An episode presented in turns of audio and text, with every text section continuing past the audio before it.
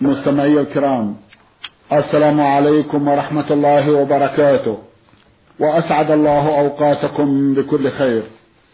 هذه حلقة جديدة مع رسائلكم في برنامج نور على الدرب. رسائلكم في هذه الحلقة نعرضها على سماحة الشيخ عبد العزيز ابن عبد الله بن باز الرئيس العام لإدارات البحوث العلمية والإفتاء والدعوة والإرشاد. مع مطلع هذه الحلقة نرحب بسماحة الشيخ ونشكر له تفضله بإجابة الإخوة المستمعين فأهلا وسهلا بالشيخ عبد العزيز. حياكم الله وبارك فيكم. حياكم. أولى رسائل هذه الحلقة رسالة وصلت إلى البرنامج من الطائف. باعثها أحد الإخوة المستمعين يقول المعتصم.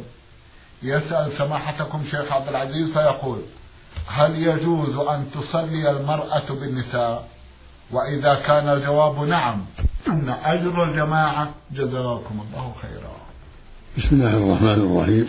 الحمد لله وصلى الله وسلم على رسول الله وعلى آله وأصحابه من اهتدى بهداه. أما بعد فلا بأس أن تصلي المرأة بالنساء.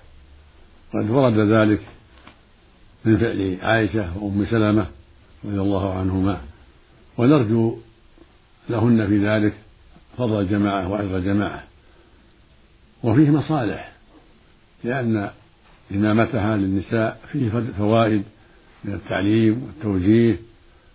كل واحدة تتعلم من أخواتها ما تحتاج إليه في صلاتها ولا سيما إذا كانت الإمامة متعلمة. قد يكون فيهن أيضا متعلمات فيستفدن جميعا. فصلاتهن جماعة فيه فيها مصالح كثيرة. نعم. جزاكم الله خيرا وأحسن إليكم. إذا استمعت إلى القرآن الكريم من شريط أو أي إذاعة فهل لي الأجر؟ نعم إذا استمعت للقراءة فأنت مأجور. داخل في قوله تعالى وإذا قرئ القرآن فاستمعوا له وأنصتوا. فأنت على خير عظيم. استمع شريك للقارئ بكل حرف حسنة والحسنة بعشر أمثالها. فنوصي جميع إخواننا المسلمين بالعناية بسماع القرآن بالاستماع له من القراء ومن إذاعة القرآن. وإذا جلسوا جميعا قرأ عليهم أحدهم واستمعوا له واستفادوا وتدبروا فهذا فيه خير عظيم. وكان النبي صلى الله عليه وسلم إذا اجتمع بأصحابه يقرأ القرآن ويعلمهم وإذا مر بالسجدة سجد وسجدوا معه عليه الصلاة والسلام. وربما أمر بعض الصحابة أن يقرأ عليه عليه الصلاة والسلام. وأمر مرة عبد الله بن مسعود أن يقرأ فقرأ أول سورة النساء. والنبي يستمع له عليه الصلاة والسلام. فلما بلغ قوله تعالى فكيف إذا جئنا من كل أمة بشهيد؟ وجئنا بك على هؤلاء شهيدا؟ قال له حسبك. قال ابن مسعود رضي الله عنه فالتفت إليه فإذا عيناه تذرفان تذكر هذا الموقف عليه الصلاة والسلام فبكى عليه الصلاة والسلام. والمقصود أن الاجتماع على قراءة القرآن الاستماع لقراءة القرآن والإنصات التدبر والتعقل فيه خير عظيم. واستماعه من الراديو من إذاعة القرآن فيه خير أيضا ومصالح كثيرة. فنوصي باستماع القرآن والتدبر والتأمل. والعمل كما نوصي بالإكرام من قراءة القرآن في بيتك وفي المسجد وفي الطريق وفي الطائرة وفي القطار وفي, وفي السيارة تجتهد في قراءة القرآن بالتدبر والتعقل. كما قال سبحانه كتاب أنزلناه إليك مبارك ليدبروا آياته وليتذكر أولو الألباب. وقال عليه الصلاة والسلام من قرأ القرآن فله بكل حرف حسنة. والحسنة بعشر أمثالها. وقال أيضا عليه الصلاة والسلام اقرأوا القرآن فإنه يأتي شفيعا لأصحابه يوم القيامة. نعم. جزاكم الله خيرا وأحسن إليكم رسالة وصلت إلى البرنامج من جدة وباعثها مستمع رمز إلى اسمه بالحروف فا عين فا.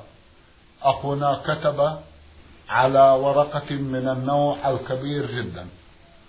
وكل ما في رسالته شكوى بمرارة من أم زوجته وختم رسالته سماحة الشيخ بالرجاء التنبيه على أمهات الزوجات حتى لا يتدخلن بين الزوج وزوجته فيفسدون عليهم حياتهم. جزاكم الله خيرا.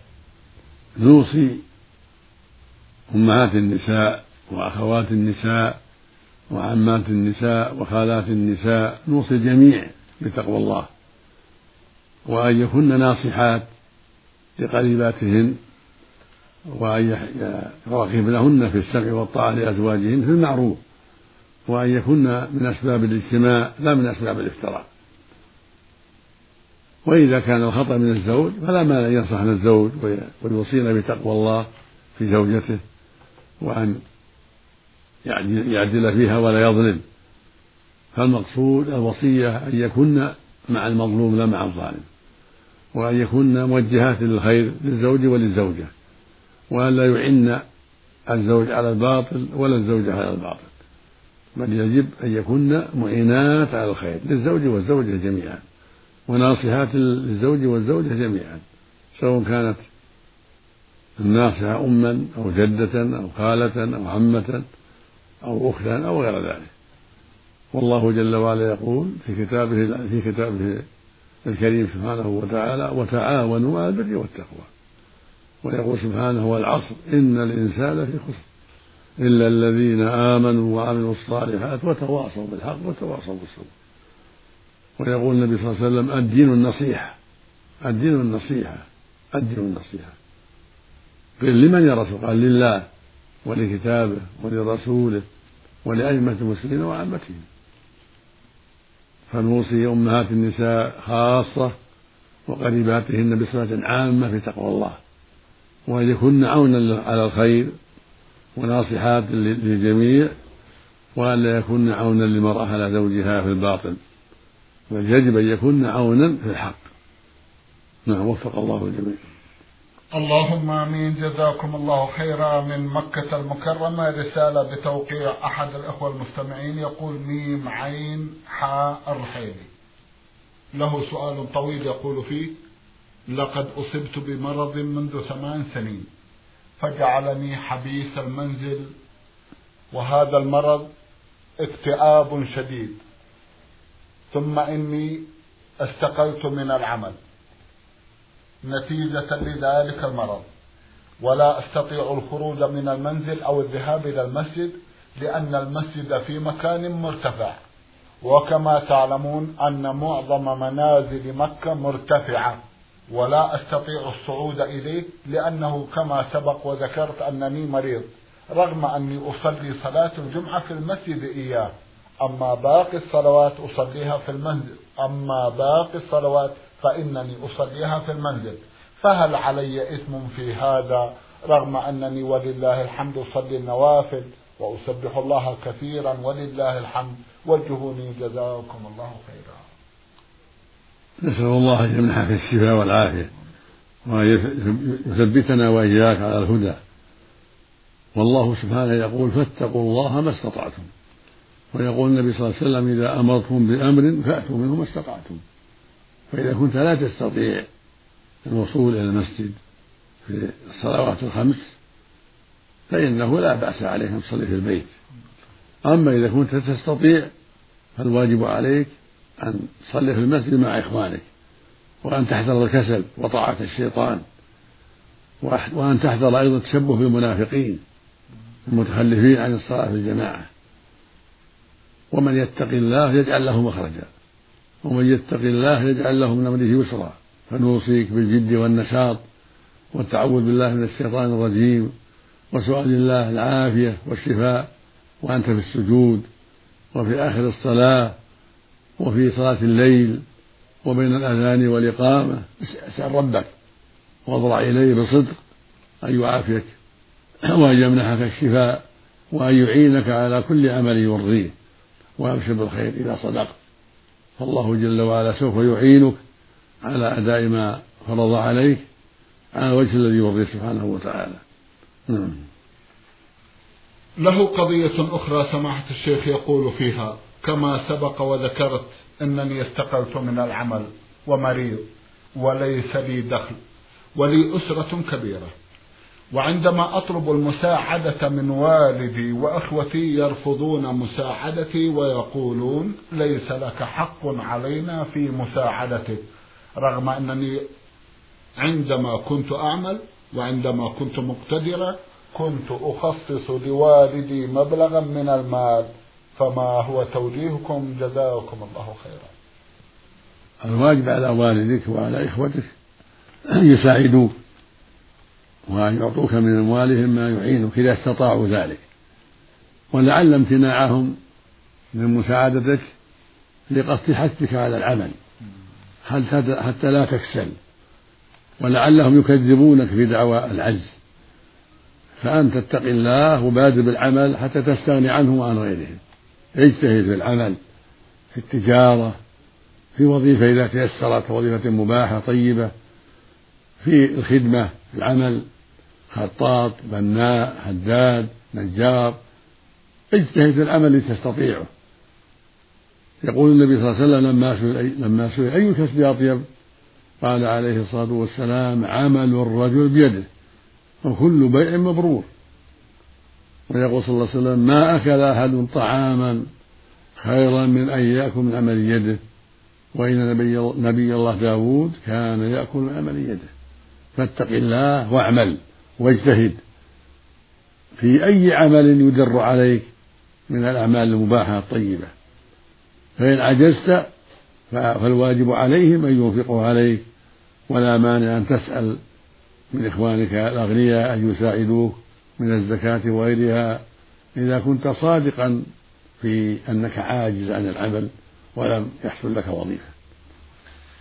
جزاكم الله خيرا وأحسن إليكم بعد هذا رسالة وصلت إلى البرنامج من القاهرة العريش وباعثها مستمع يقول السيد بن محمود الجندي.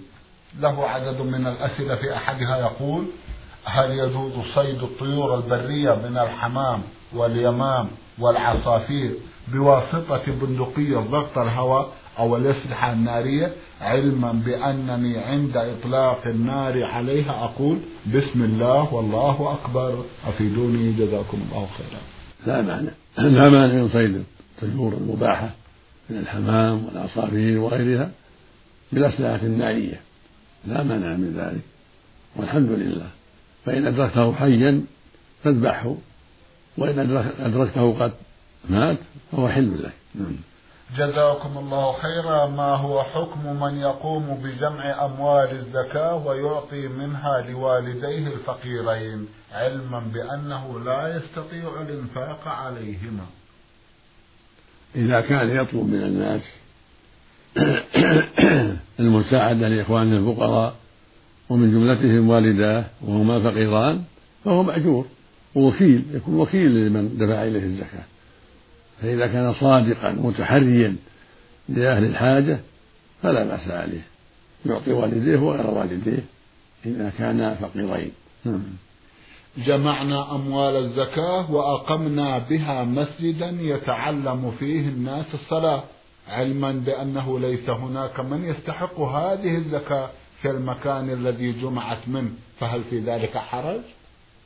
المساجد لا تبنى من الزكوات في أصح. قولي العلماء أن جمهور أهل العلم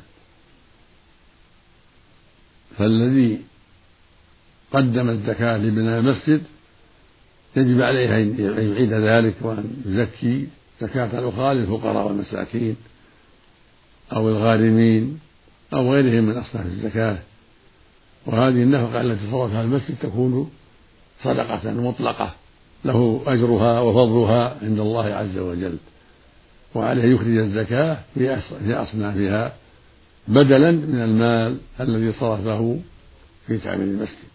هذا هو الذي عليه جمهور أهل العلم وهو أصح قولي العلماء لأن تعمير المساجد ليس من أصناف الزكاة الثمانية. وأما قوله سبحانه وفي سبيل الله نعم. فالمراد به الجهاد كما هو قول جمهور أهل العلم. نعم. جزاكم الله خيرا. هل يجوز لفرد ما أن يأخذ من أموال الزكاة إذا كان عليه دين ولا يستطيع أن يسدده؟ نعم له أن يأخذ من الزكاة. له أن يأخذ من الزكاة ما يقضي به الدين إذا كان عاجزا عن قضاء الدين وليس له صرفه في غير ذلك. فإذا أخذ من إخوانه الطيبين مساعدة في قضاء دينه من الزكاة فالواجب عليه صرف ذلك في قضاء الدين. لا في حاجاته الأخرى. جزاكم الله خيرا وأحسن إليكم رسالة بعث بها أحد الإخوة المستمعين يقول المرسل راشد عين من سكاكا الجوف. يسأل عددا من الأسئلة من بينها يقول أخبركم بأنني كنت أصلي ولكن لم أحافظ على الصلوات. ولله الحمد أحمده حمدا كثيرا طيبا مباركا كافئا. بأن من علي بالهداية وأنا الآن أحافظ على صلواتي الخمس في أوقاتها وأقوم الليل لأداء صلاة التهجد وأقرأ كل يوم جزئين أو ثلاثة أجزاء ويوم الجمعة أقرأ فيه من ستة إلى سبعة أجزاء وأتصدق بعض المال إذا كان معي وأصوم الاثنين والخميس والأيام البيض. أحمد الله على ذلك. سؤالي بماذا تنصحونني بزيادة العمل الصالح؟ جزاكم الله خيرا.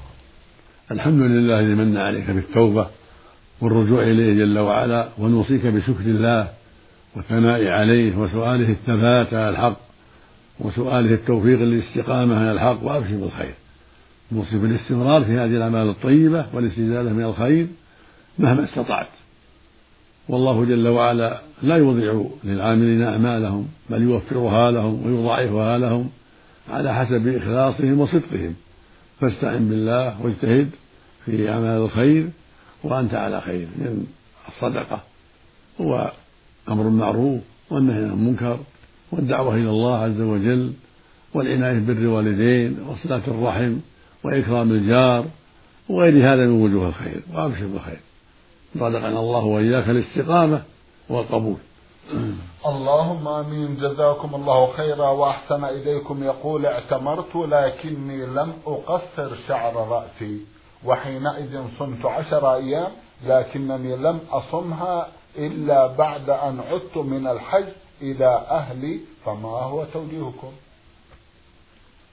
الواجب عليك التقصير ما عليك صوم عليك التقصير.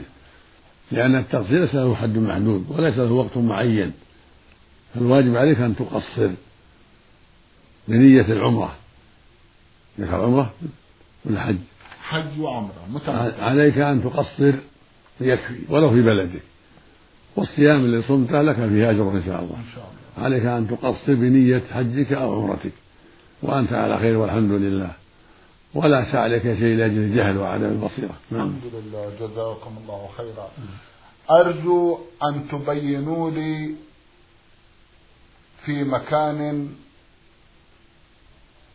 بل يسأل عن تفسير قول الحق تبارك وتعالى ولا تنكحوا ما نكح آباؤكم إلا ما قد سلف يقول الله جل وعلا ولا تنكحوا ما نكح آباؤكم من النساء إلا ما قد سلف كانوا في الجاهلية سهلوا في هذا. فأنزل الله عز وجل النهي عن ذلك.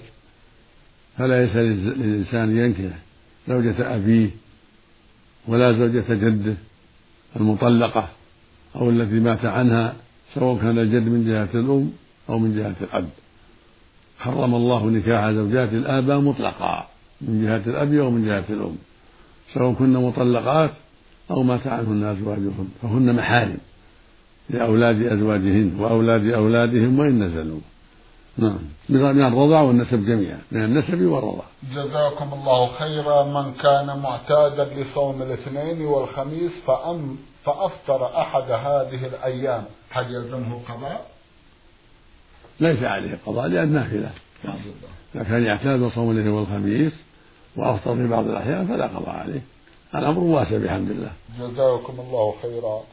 المستمع صلاح القرشي بعث يسأل ويقول ما حكم من دخل المسجد في الركعة الأخيرة في صلاة الجمعة ولم يدرك منها إلا الركوع؟ هل يتمها ظهرا أم جمعة؟ من أدرك الإمام في صلاة الجمعة في الركوع الثاني أتمها جمعة. لما جاء في الحديث عن الرسول أنه قال من أدرك ركعة من الجمعة فليضيف إليها أخرى وقد تمت صلاته. ويقول صلى الله عليه وسلم من أدرك ركعة من الصلاة فقد أدرك الصلاة والصلاة تدرك بالركوع فإذا جاء والإمام راكع ركع معه وإذا سلم الإمام قام فأتى بالركعة الفائتة وتسقط عنه الفاتحة لأنه فاته القيام فصلاته صحيحة. نعم. جزاكم الله خيرا وأحسن إليكم. يقول إنني ألاحظ أن كثيرا من الناس يكثر الحلف عندما يتحدث. فبما تنصحون الناس جزاكم الله خيرا. نوصي إخواننا جميعا من الرجال والنساء بالحذر من كثرة الحلف ونوصيهم بالتقليل من الحلف لأن الله يقول سبحانه واحفظوا أيمانكم. ويقول النبي صلى الله عليه وسلم ثلاثة لا يكلمهم الله ولا ينظر يوم القيامة ولا يزكيهم ولهم عذاب أليم ذكر منهم رجل جعل الله جعل الله بضاعته. لا يبيع إلا بيمينه ولا يشتري إلا بيمينه. فالمقصود الوصية بترك كثرة الحلف وأن لا يحلف إلا عند الحاجة باليمين. لأن كثرة الحلف وسيلة للكذب ووسيلة لعدم الكفارة في أيمانه التي يحدث فيها. فنوصي الجميع رجالا ونساء بالتقليل من الأيمان وأن لا يحلف إلا عند الحاجة. نعم. جزاكم الله خيرا وأحسن إليكم. هل يجوز ذكر الإنسان بمحاسنه؟ وهل هذا يعتبر من الغيبة؟ ذكر الإنسان بمحاسنه لا حرج في ذلك إلا إذا كان حاضرا فترك ذلك أولى إلا الشيء القليل لأن ذلك قد يفضي إلى العجب والخطر العظيم في بأن يعجب بنفسه. بل ولأنه قد يفضي أيضا إلى التكبر أو غير هذا من الإخصال للذميمة ولهذا جاء في الحديث إذا رأيتم المداحين فاحتوا وجوههم التراب. ولما سمع النبي صلى الله عليه وسلم يمدح شخصا قال ويحك قطعت ظهره. فالمقصود أن السنة التقليل من المدح بحضرة الرجل. وإذا دعت الحاجة إلى ذلك فلا بأس بأن يكون قليلا. أما في غيبته فلا يضر ذلك نعم. جزاكم الله خيرا. المستمع عين كاف بعث يسأل ويقول إذا كان أخي لا يصلي فهل لي أن أبدي له المودة علما بأنني قد نصحته كثيرا؟ عليك أن تنصحه كثيرا وأن تبدي له عدم المودة والبغض على عمله. ويشرع لك هجره أيضا إذا لم يتب حتى يتوب إلى الله ويرجع عن عمله السيء. وهذا من باب التعاون على البر والتقوى. وعليك أيضا أن تستعين بإخوانك الآخرين وقراباتك عليه لعل الله يهديه بأسبابكم جزاكم الله خيرا. ما حكم الكلام مع الخطيب في يوم الجمعة؟ إذا دعت الحاجة لا بأس. إذا دعت الحاجة أن يكلم الخطيب يقول ادعو الله يستغيث لنا ادعو الله لنا إن في جد في حاجة أو يسأل عن شيء ينفع الناس فلا بأس. فقد تقدم بعض الناس إلى النبي صلى الله عليه وسلم وهو يخطب الجمعة وقال يا رسول الله هلكت الأموال وانقطعت السبل فادعو الله يغيثنا. فاستغاث عليه الصلاة والسلام. اللهم صل على سيدنا جزاكم الله خيرا وأحسن إليكم. يرجو من سماحتكم أن تتفضلوا ببيان أحكام المسح على الشراريب. جزاكم الله خيرا. المسح على الخفين والشراب مشروع. إذا كان الخف ساترا والشراب ساترا ولبسهما على طهارة. الخف يكون من الجلد والشراب والجورب يكون من الصوف أو الوبر أو القطن أو نحو ذلك. فإذا كان الجور ساترا والخف ساترا ولبسهما على طهارة شرع له المسح يوم وليلة بعد الحدث وبعد المسح في حال الإقامة وثلاثة أيام بليالي في حال السفر. فالمقيم يوم وليلة والمسافر ثلاثة أيام بلياليها بدءا من المسح بعد الحدث. إذا كان لبسهما على طهارة وكانا ساترين الخفان أو الجوربان.